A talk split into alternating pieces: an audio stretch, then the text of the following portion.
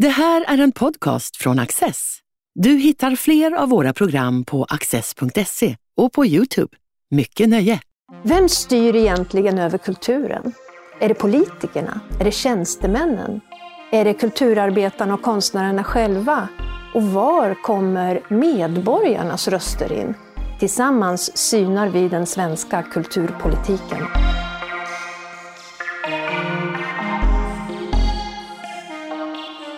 Lars-Anders Johansson är författare och kulturskribent. Han är också verksam som musiker med stor kärlek till den svenska vistraditionen. Som debattör har han särskilt intresserat sig för kulturpolitiska frågor och skrivit flera böcker om svensk kulturpolitik. Skulle det överhuvudtaget gå att skrota dagens kulturstöd, vad skulle hända då? Och vilken betydelse har kultureliten numera? Välkommen Lars-Anders Johansson. Eh, nyligen så föreslog du i en debattartikel att Sverige borde skrota hjärtat i det kulturpolitiska systemet, nämligen slopa alla bidrag och istället införa skattebefrielse för kulturen. Vad är det som skulle bli bättre utav det? Om man har följt den kulturpolitiska debatten under senare år så är det uppenbart att det alltid blir den här gränsdragningsproblematiken vad gäller finansieringen som blir föremål för debatt. Eh, vem ska få stöd? Vem får inte stöd? Vilka kriterier ska man uppställa? Eh, det kommer kritik från höger om att vissa satsningar är slöseri med skattebetalarnas pengar och sen kommer den här kvalitetsdiskussionen. Vem ska bedöma vad som är konstnärlig kvalitet och inte? Och det, sen finns diskussionen då om myndighetsaktivism, att då mm. vissa personer använder skattepengar för att driva någon slags politisk agenda. Och skulle man vända på systemet och istället göra så att eh, det offentliga inte la sig i vilken kultur man stödde utan istället underlättade för kulturlivet genom att befria den från skatter och den typen av pålagor. Då skulle man slippa alla de här problemen då som debatten om kulturpolitik fastnar i hela tiden. Men skulle man inte få en liknande diskussion om vilka som skulle slippa betala skatt? För jag menar också där måste det ju ske en gränsdragning och kulturlivet innehåller ju mängder av människor som är deltidssysselsatta inom kultur och gör andra saker eller stämplar eller ja, försörjer sig på annat vis. I ett sådant system så skulle man kunna ställa upp kriterier på förhand som avgjorde att ja. om du uppfyller de här kriterierna så slipper du. Till exempel på Irland mm. har man ju mm. gjort så att eh, yrkesverksamma i kultursektorn kan ansöka om att befrias från inkomstbeskattning. Ett annat internationellt exempel är USA där man istället har infört olika typer av skattelättnader för eh, donationer till stiftelser som ägnar sig mm, åt eh, mm. kulturändamål. Och de här två systemen kan ju med fördel också kombineras eftersom det ena syftar till att underlätta för verksamma i kultursektorn att försörja sig. Det är en väldigt osäker bransch och skulle man skattebefria människor vad gäller inkomstbeskattning då skulle man ju kunna bygga upp en större buffert och till exempel bli motståndskraftigare mot kriser och lågkonjunkturer mm. och så vidare. Men det skulle inte lösa det här långsiktiga finansieringsproblemet problemet som kulturen alltid brottas med. Och där finns ju det amerikanska exemplet istället där man genom att skattebefria donationer kan åstadkomma institutioner, alltså stiftelseägda institutioner som finns under lång tid och som agerar oberoende. Men lite kort då, om vi säger att det här skulle genomföras, hur skulle eh, kultursektorn och kulturutbudet förändras? Jag tror ju att den här problematiken kring politisering till exempel skulle eh, bli mycket, mycket mindre. Och egentligen skulle det ju inte vara en problematik heller. För det som stör människor som provoceras av att skattepengar används för att driva politiska agendor tror jag inte stör sig på att privatpersoner som bedriver en egen verksamhet driver en politisk linje. Så jag tror just den där aktivismdimensionen, den skulle man ju slippa i, det, ja, i kulturlivet. Du är ju inne på många sådana mycket intressanta områden nu. Bland annat detta med att, att Sverige skiljer sig ju Eh, också från sina nordiska grannländer genom att vi har så få fristående stiftelser. Vi har så få källor in i kultursystemet. Och nästan, alltså väldigt stor del av den eh, eh, professionella kulturen är ju finansierad av stat, eller region, eller kommun eller andra former av transfererade skattemedel. Hur har det påverkat kulturlivet i stort? Om vi börjar där. Det här är en fråga som återkommer hela tiden, men hur ser det ut i ditt perspektiv?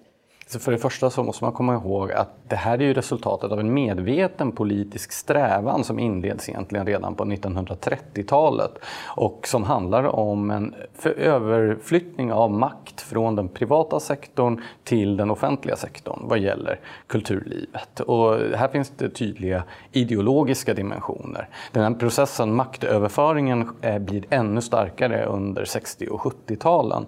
Ibland när man lyssnar på den svenska kulturpolitiska debatten då får man intrycket av att det system som vi har sedan 1974 och som till stor del, precis som du säger, bygger på olika typer av bidrag och stödsystem, att det skulle vara det enda tänkbara sättet att organisera kulturpolitik. Men internationellt så ser det ofta helt annorlunda ut. Och i många länder så är den privata andelen av kulturfinansieringen mycket större. Vilket inte betyder att de länderna eh, är liksom helt tomma på kultur, utan tvärtom är det oftast ett väldigt livaktigt kulturliv. Oavsett om vi pratar om kommersiell kultur, populärkultur eller då den här smalare finkulturen eller högkulturen eller vad man ska kalla den. Och mitt förslag då i den här artikeln om att man skulle vända på det och istället för bidragssystem ha skattebefrielse. Det är ju ett sätt att försöka skaka om den här föreställningen om att det här är det enda tänkbara kulturpolitiska systemet. Just nu så befinner vi oss i en situation med coronapandemin och coronastöden till kulturen som visar någonting. Alltså vi, vi, det är som om det fälls ut en bild av kulturlivet. För att eh, det går ganska mycket extra pengar in i kultursektorn, en och en halv miljard pratar man om. Var i systemet kommer de här man säger, nödpengarna att hamna tror du? Så det är svårt att se hur det kommer att lösa sig rent konkret. Men det har ju varit uppenbart att kulturlivet har drabbats extra hårt om man betraktar det som en bransch jämfört med andra branscher av de här regleringarna som infördes med anledning av coronan. Eh, en uppenbar risk som jag ser det är ju att pengarna kommer att kanaliseras i samma riktning som de offentliga kulturpengarna har gått tidigare samtidigt som det i stor utsträckning har varit just den kommersiella delen av kultursektorn som har drabbats hårdast. Alltså mm. de verksamheter som är beroende av biljettintäkter till exempel. Och som helt, ja, konsertbranschen har ju helt stängts ner under det här mm. Mm. Så det finns ju en risk att det är de som eh, redan mottar bidrag som kommer att göra det medan de som har drabbats hårdast av just kommersiella vikande intäkter som kommer att hamna vid sidan om. Mm. Och sen finns det ju också en risk, så som det ofta är, att de som är stora ekonomiskt framgångsrika har lättare att få den här typen av stöd jämfört med de som kanske har mycket mindre marginaler. Mm. Och mitt förslag om skattebefrielse skulle inte naturligtvis lösa alla problem som en sån här oväntad krishändelse som coronan medför och regleringarna. Men jag tror att det skulle göra att kultursektorn blev motståndskraftigare för att man hade större buffertar och var mindre beroende. Mm. Men det här handlar ju också om vilken kultur ska man se till att den finns kvar? Vilken kultur ska man värna om? Vilken sorts eh, konstnärliga uttryck ska man värna om? Var skulle du vilja lägga de här krispengarna? Så de stora institutionerna, till exempel kulturarvet och så vidare, har ju på ett sätt en större trygghet i och med att det finns den här långsiktiga institutionella kulturfinansieringen. Så jag är inte säker på att krisstödet på det sättet eh, avgör vilka liksom, kulturyttringar som mm. klarar sig långsiktigt och inte. Däremot så tror jag att kulturen, om man betraktar den som en bransch, drabbas mm. väldigt hårt här. Så vill vi ha ett livaktigt kulturliv när vi kommer ut på andra sidan pandemin, ja men då är det nog bra om politiken tar ansvar för de problem som följer av politikens regleringar. Mm. Du drar ju en linje nu från 30-40-talet och framåt, gjorde du nyss. Och då tänker jag, när den här kulturpolitiken eh, skissas upp då, så är det ju ändå inte med tanke på att staten på något vis ska överflygla samhället. Utan det är ju individen, medborgaren och medborgarens bildning som stod i centrum för diskussionen då, tidigt. Det är ju på 70-talet som du säger som liksom det stora statliggörandet sker och, och staten överflyglar samhället och, och, individen blir liksom direkt kopplad till de här bidragen i det offentliga. Men om vi tittar på coronan, tror du att, den här rör, tror du att det blir ett språng till i en sorts att att eh, kulturlivet närmar sig staten ytterligare, blir mer beroende utav eh, den statliga finansieringen.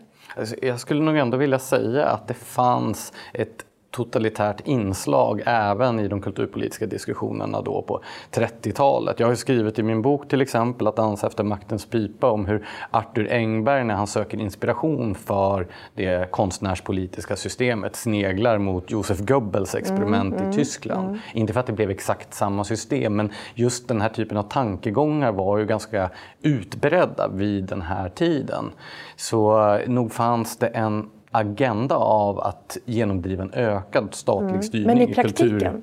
Ja, vi hade ju ett importförbud i Sverige på mm. dålig konst till exempel mm. eftersom mm. staten ansåg att det var dess uppdrag att uppfostra medborgarna i god smak och sådär. Men på 70-talet får du de stora institutionerna, myndigheterna, de, de, de stora överlagringarna i det här systemet. Jag tänker på Kulturrådet och sådana institutioner som som etableras och får en väldigt stark ställning i Sverige. Ja, och det handlar om också den här, parallellt med att den offentliga kulturfinansieringen ökar så har ju också skattetrycket ökat och omöjliggjort i praktiken eh, den typ av mecenatkultur som fanns i tidigt 1900-tal. Och det är också en slags maktförskjutning från den privata sektorn eller civilsamhället mm. till det offentliga som sker parallellt och som mm. man ganska ofta glömmer bort i den här eh, kulturpolitiska diskussionen. Men sen sker också en förskjutning i synen på vad kultur är. När man går från det här gamla humanistiska eller estetiska mm, kulturbegreppet. Arthur Engberg till exempel menade ju att staten skulle understödja konstarterna. Men på 60-70-talet började man prata om kultur istället i en slags antropologisk mm. bemärkelse och att kulturpolitiken var en del i hela samhällsutvecklingen som ett politiskt projekt. Det är då man börjar bygga kulturhus istället för som tidigare när man hade hus för de enskilda konstarterna. Då hade man konsthallar, och konserthus, och operahus och så vidare. Men plötsligt så börjar man tala om kulturhus. Vad är ens ett kulturhus mm, mm. egentligen?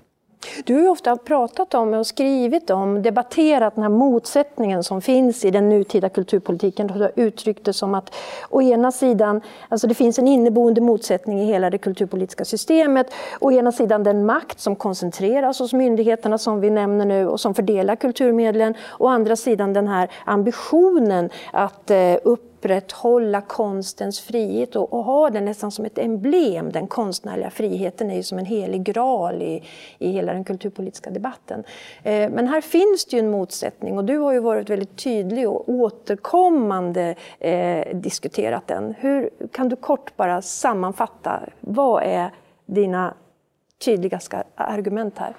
Ja, I fokus för den debatten står ju den här principen om armslängds avstånd som jag menar är helt tagen ur det sammanhang vilket den formulerades. Det var ekonomen John Maynard Keynes mm. som formulerade den efter andra världskriget när han blir ordförande för Arts Council i Storbritannien. Och då måste man komma ihåg att det system för kulturell, eller offentlig kulturfinansiering som Storbritannien hade vid den tiden var ett helt annat system än det som eh, Sverige har sedan 70-talet i och med att man hade väldigt liten offentlig finansiering av kulturlivet utifrån den långa liberala traditionen som Storbritannien hade på det här området. Man pratade ju om few but roses, det vill säga få men mm. riktigt mm. kvalitativa institutioner som skulle stå som någon slags riktmärken eller kvalitetsgaranter för kulturlivet. Det skulle staten understödja. Och det här kulturrådet och Arts Council det bestod av auktoriteter som hämtades från den fristående kultursektorn mm. och som då skulle utgöra det här armslängds avstånd mellan mm. politiken och den kultur som finansierades.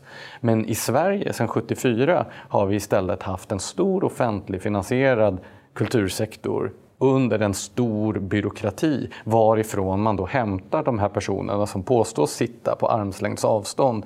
Och sen har de då deras regleringsbrev fastslås av politiker och Eh, deras budgetar bestäms av politiker och så vidare. Och sen påstår man då att de ska befinna sig på armslängds avstånd. Mm. Och nu talar du om alla de referensgrupper och arbetsgrupper som förbereder beslut eller som själva fördelar medel, till exempel eh, Kulturrådet eller Konstnärsnämnden. Det är de du hänsyftar på. Ja. Det finns ju också på regional nivå det här systemet med en sorts rådgivande eller beslutande grupper som inte då är tjänstemän eller politiker utan verksamma. Ja, precis. Och det är väldigt svårt att hitta individer individer mm. som inte befinner sig på någon slags mm i någon slags beroendeförhållande mm. till de här olika institutionerna mm. som skulle kunna utgöra då de oberoende instanserna i ett system. Men är det för att Sverige är ett så litet land som det blir så? Eller?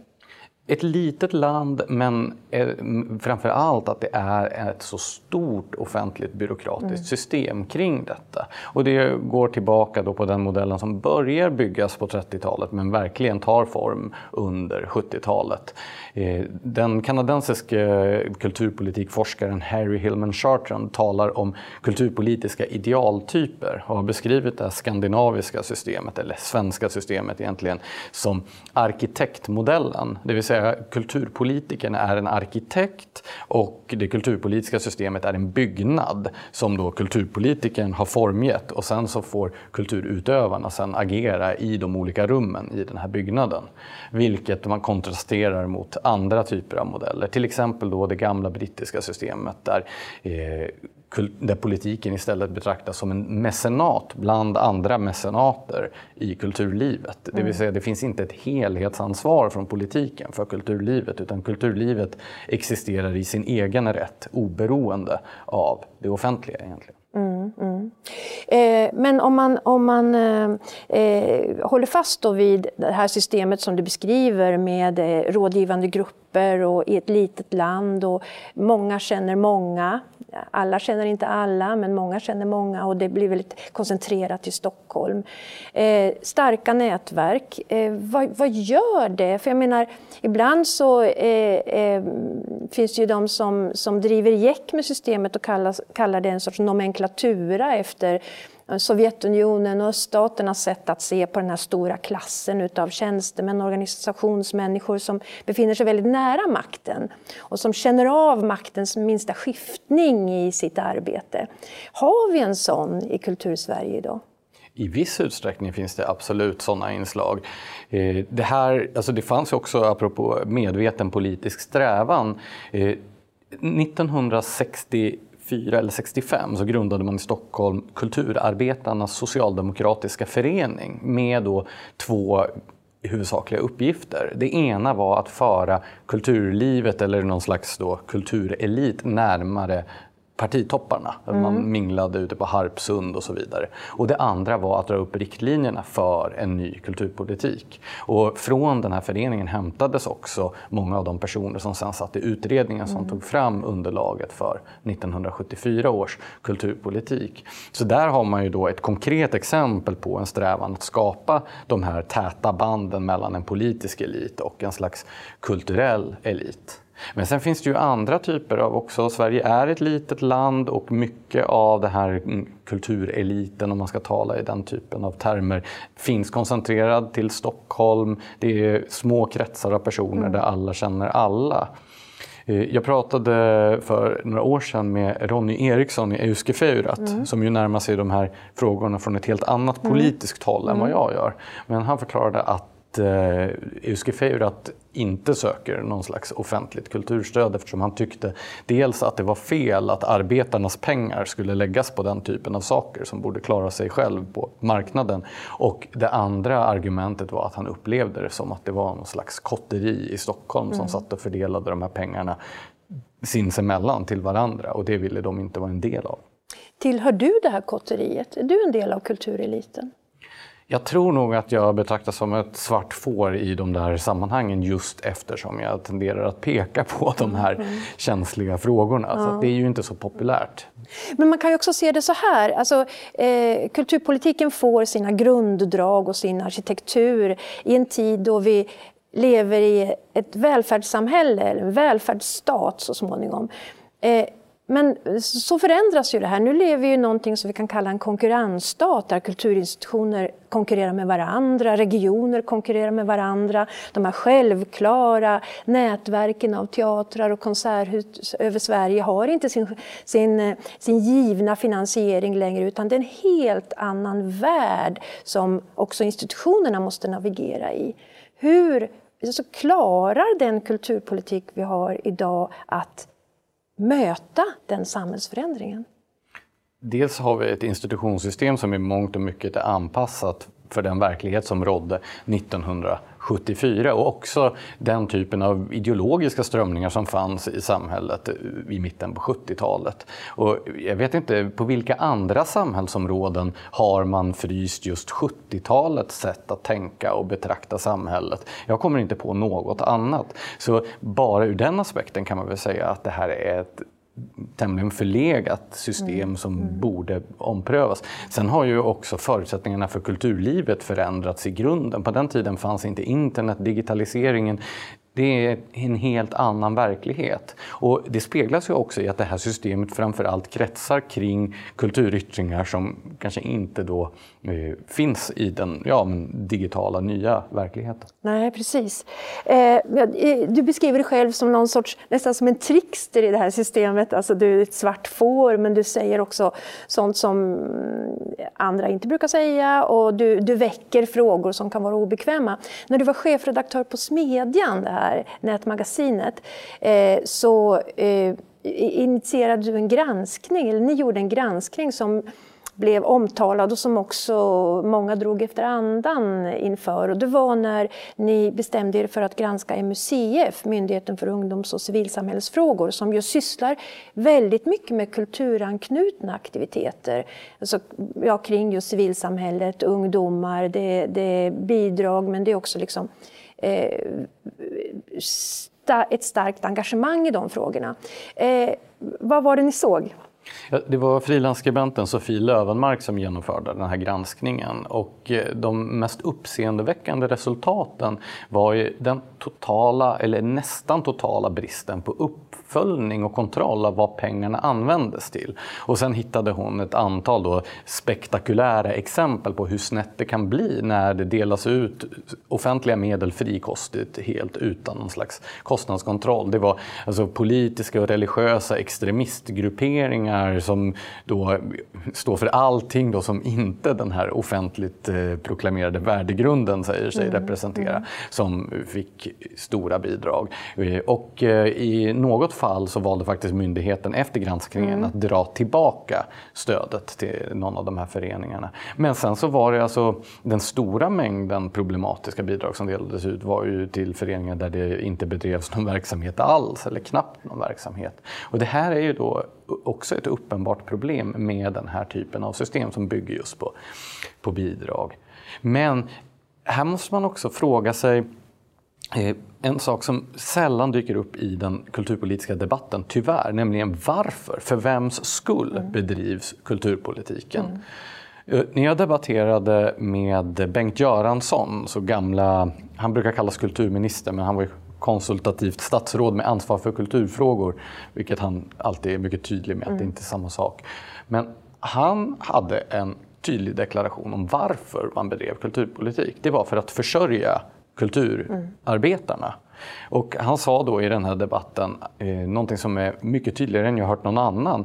Nämligen att det, spe, det spelade ingen roll om litteraturstödet gick till sånt som direkt gick till makulatur. För det viktiga var att hålla författarna mm. försörjda. Och det är ju ett synsätt som inte jag delar, men det var en befriande tydlighet. Att det var inte kulturen som var i centrum, utan det var en slags födkrok. Arbetsmarknad. Ja, en arbetsmarknad. Mm, mm, mm.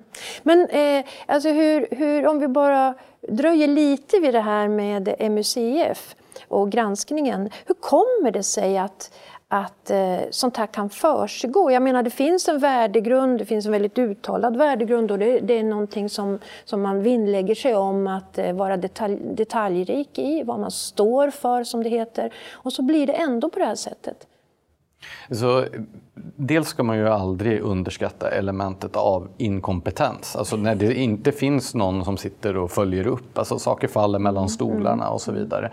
Men sen så tror jag också att när man inte har ett system eh, som det här som Keynes förespråkade mm. med verklig armslängds avstånd, det vill säga människor som kommer från ett oberoende kulturliv och har en speciell kulturkompetens, utan istället har en politisk sektor med byråkrater som ska följa direktiv som kommer uppifrån ifrån. Då måste man ju också ställa upp kriterier på ja, men hur ska, utifrån vilka kriterier ska vi fördela de offentliga medlen. Och då blir det oftast väldigt instrumentella kriterier eftersom det här är offentliga medel som måste användas på ett ansvarsfullt sätt och så mm. vidare. Mm. Och då får man de här eh, politiserade checklistorna. Mm. Oavsett om det är liksom vänsterpolitiska mål om liksom jämställdhet eller mångfald eller vad det nu är, eller högerpolitiska om att det ska främja tillväxt eller turism eller vad det nu är, så blir det instrumentella mål. Och jag tror att den typen av kriterier är väldigt lätt att runda för den som vill utnyttja ett system. Man lär sig ganska snabbt hur man fyller i de här ansökningsblanketterna för att då tillmötesgå eh, kulturbyråkraternas mm. krav. Mm. Så jag tror att det är ett problem som är inbyggt i själva systemet. Mm. Plus naturligtvis bristen på uppföljning och kvalitetskontroll. En, en, eh, ett ämne som ligger högt upp på den så kallade agendan nu är ju eh, förortsproblematiken, gängvåld, gängkriminalitet och ja, allt som hör därtill. Eh, I sådana här lägen brukar det nästan alltid ropas på mer föreningsbidrag, fler ungdomsgårdar, mer kultursatsningar, eh, bättre kultursatsningar eh, i de här orterna. Eh, vad kan kulturen göra för ett eh, ett, ett bättre samhällskontrakt på sådana här platser? Ja, jag tror ju inte att problemen löses av att man bara häller mer pengar på det. det är ju, alla verksamheter oavsett vill ju alltid lösa problem på det sättet, mm. att just det, de ska få mer resurser. Men eh, däremot så tror jag naturligtvis att eh, ett kultur, levande kulturliv mm. Mm. är bra för ett samhälle ur många olika typer av aspekter. Den här universallösningen med fritidsgårdar har väl motbevisats ganska många gånger. Vi har ju sett exempel på hur de här fritidsgårdarna har blivit snarast noder för de här kriminella grupperingarna och så vidare. Därmed är inte sagt att fritidsgårdar aldrig fungerar. Men jag tror att det finns ett fel när man börjar prata om någon specifik förortskultur och att den ska satsas på eh, och att den då ska motsvaras av specifika kulturella uttryck. Att man dels missar de som inte lever upp till den här stereotypen. Nu tänker du på hiphop och graffiti och sådana saker? Ja, det som den offentliga sektorn har bestämt sig för att människor i förorter ska ägna sig åt. Mm. Och då tror jag att det är ganska många som inte lever upp till stereotypen, som faller utanför den modellen. Men också att man befäster den här känslan av utanförskap, annorlunda het mm. eh, som människor vittnar om att de upplever som då, att man skulle vara utestängd från majoritetssamhället. Och det tror jag väl kanske inte är bra. Sen finns det ju en annat drag i det här och det är ju liksom satsningen på läsning. Det är läslov och det är specifika satsningar på... Alltså väldigt många barn visade sig har ju eh, inte ett fullgott språk vare sig på på svenska eller sitt modersmål utan lever med ett knappt ordförråd i bägge språken. Och det här påverkar ju förstås möjligheterna att delta som en fullvärdig medborgare så småningom. Eh, men du har ju också, eh, eh, nu har ju regeringen satsat mycket på läsprojekt men du har ju varit kritisk mot det också. Jag är inte kritisk till att man satsar på läsprojekt, eller snarare inte att man satsar på läsning. Det är det här projektledet som jag är milt skeptisk till. För vi har under hela efterkrigstiden haft en rörelse bort från det traditionella bildningsidealet. Den här idén om att alla människor har möjlighet att bilda sig själva, att höja sig och och eh, vidga sina egna referensramar, bland annat genom läsning och att ta del av någon slags kanon som har växt mm, fram mm. organiskt. Mm. Vi har haft en tendens på senare, eh, under senare decennier där bibliotekens roll som utlånare av böcker böcker har marginaliserats samtidigt som biblioteken har fått utökade, utökat ansvar för alla möjliga funktioner som resten av samhället inte vill ta ansvar för. Det blir värmestugor och någon slags eh, ja, men mm. bibliotekarier får vara liksom både mm. socialarbetare och terapeuter och allt möjligt. Mm. Eh, och vi hade ju den här konstiga diskussionen om huruvida man överhuvudtaget skulle vara tyst inne på ett bibliotek. Ja, ja. Så vi har haft de här processerna som har då aktivt motverkat just läsning hos unga Och sen så kommer man på att det är ett problem att unga inte läser och då ska man plötsligt ha ett projekt och satsa massa miljoner på det. Mm, Jag tror att det kräver att man rullar tillbaka de här destruktiva tendenserna i en bredare bemärkelse, inte att man gör punktinsatser. Vi lever ju i en tid i en, med en stark åsiktspolarisering. Vad har, eh, eh, hur har konstnärer och kulturaktörer bidragit till den åsiktspolariseringen? Så kulturutövare är ju ofta ganska excentriska personer som vill synas och höras i offentligheten. Så att det är ju klart att det är många från kultursektorn som har bidragit till polarisering. Det är ju inte så märkligt i sig. Däremot så det finns en självbild inom kultursektorn att den ofta befinner sig i någon slags opposition mot den politiska och ekonomiska makten. Och det är klart att det är trevligt att odla en sån självbild. Men om man tittar historiskt så är det ju snarast så att kulturutövarna i ett samhälle har befunnit sig väldigt nära den politiska makten. Och eh, kultursektorns uppfattningar har ju ofta varit väldigt nära också den politiska makten i samhället. Det är först egentligen med massmarknadernas genombrott under 1800-talet som kulturutövare kunde stå någorlunda fria. Men då blev istället beroende av sin publik då. Men mm. genom att sälja mm. många böcker kunde Émile Zola så att säga kritisera franska staten och överheten eftersom han inte var ekonomiskt beroende av den. Mm. Eh, och här så tror jag ju att det finns en delförklaring i alla fall. Det här blir nästan en marxistisk analys då, men att eh, det är de materiella faktorerna som har styrt hur många i kultursektorn har positionerat sig som försvarare av det system som de lever av för närvarande. Därmed inte alla. Du, eh, en, en sista fråga. Eh, du är ju musiker, eh, du trubadur, du skriver musik, är verksam som artist. Påverkar ditt engagemang i kulturpolitiska frågor din verksamhet som artist? Ja, men det skulle jag säga så tillvida att det finns en nervositet inom delar av kultursektorn där den som går emot då de påbjudna åsikterna betraktas med viss skepsis. Eh, så nog tror jag att det har stängts en del dörrar i, ja, men i musikvärlden på grund av att jag har fört fram då obekväma ståndpunkter.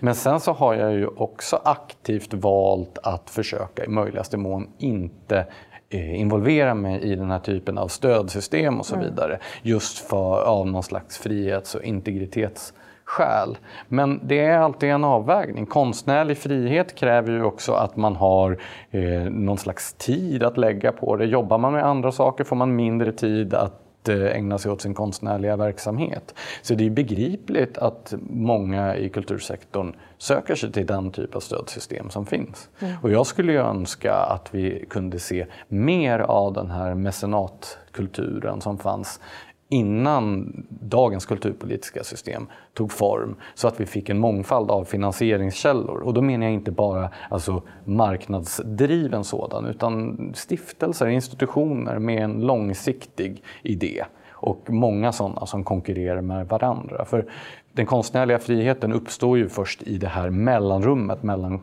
konkurrerande institutioner. Mm.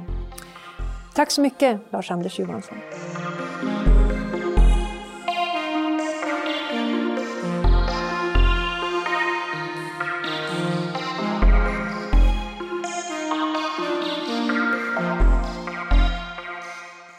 Du har just lyssnat på en podcast från Access.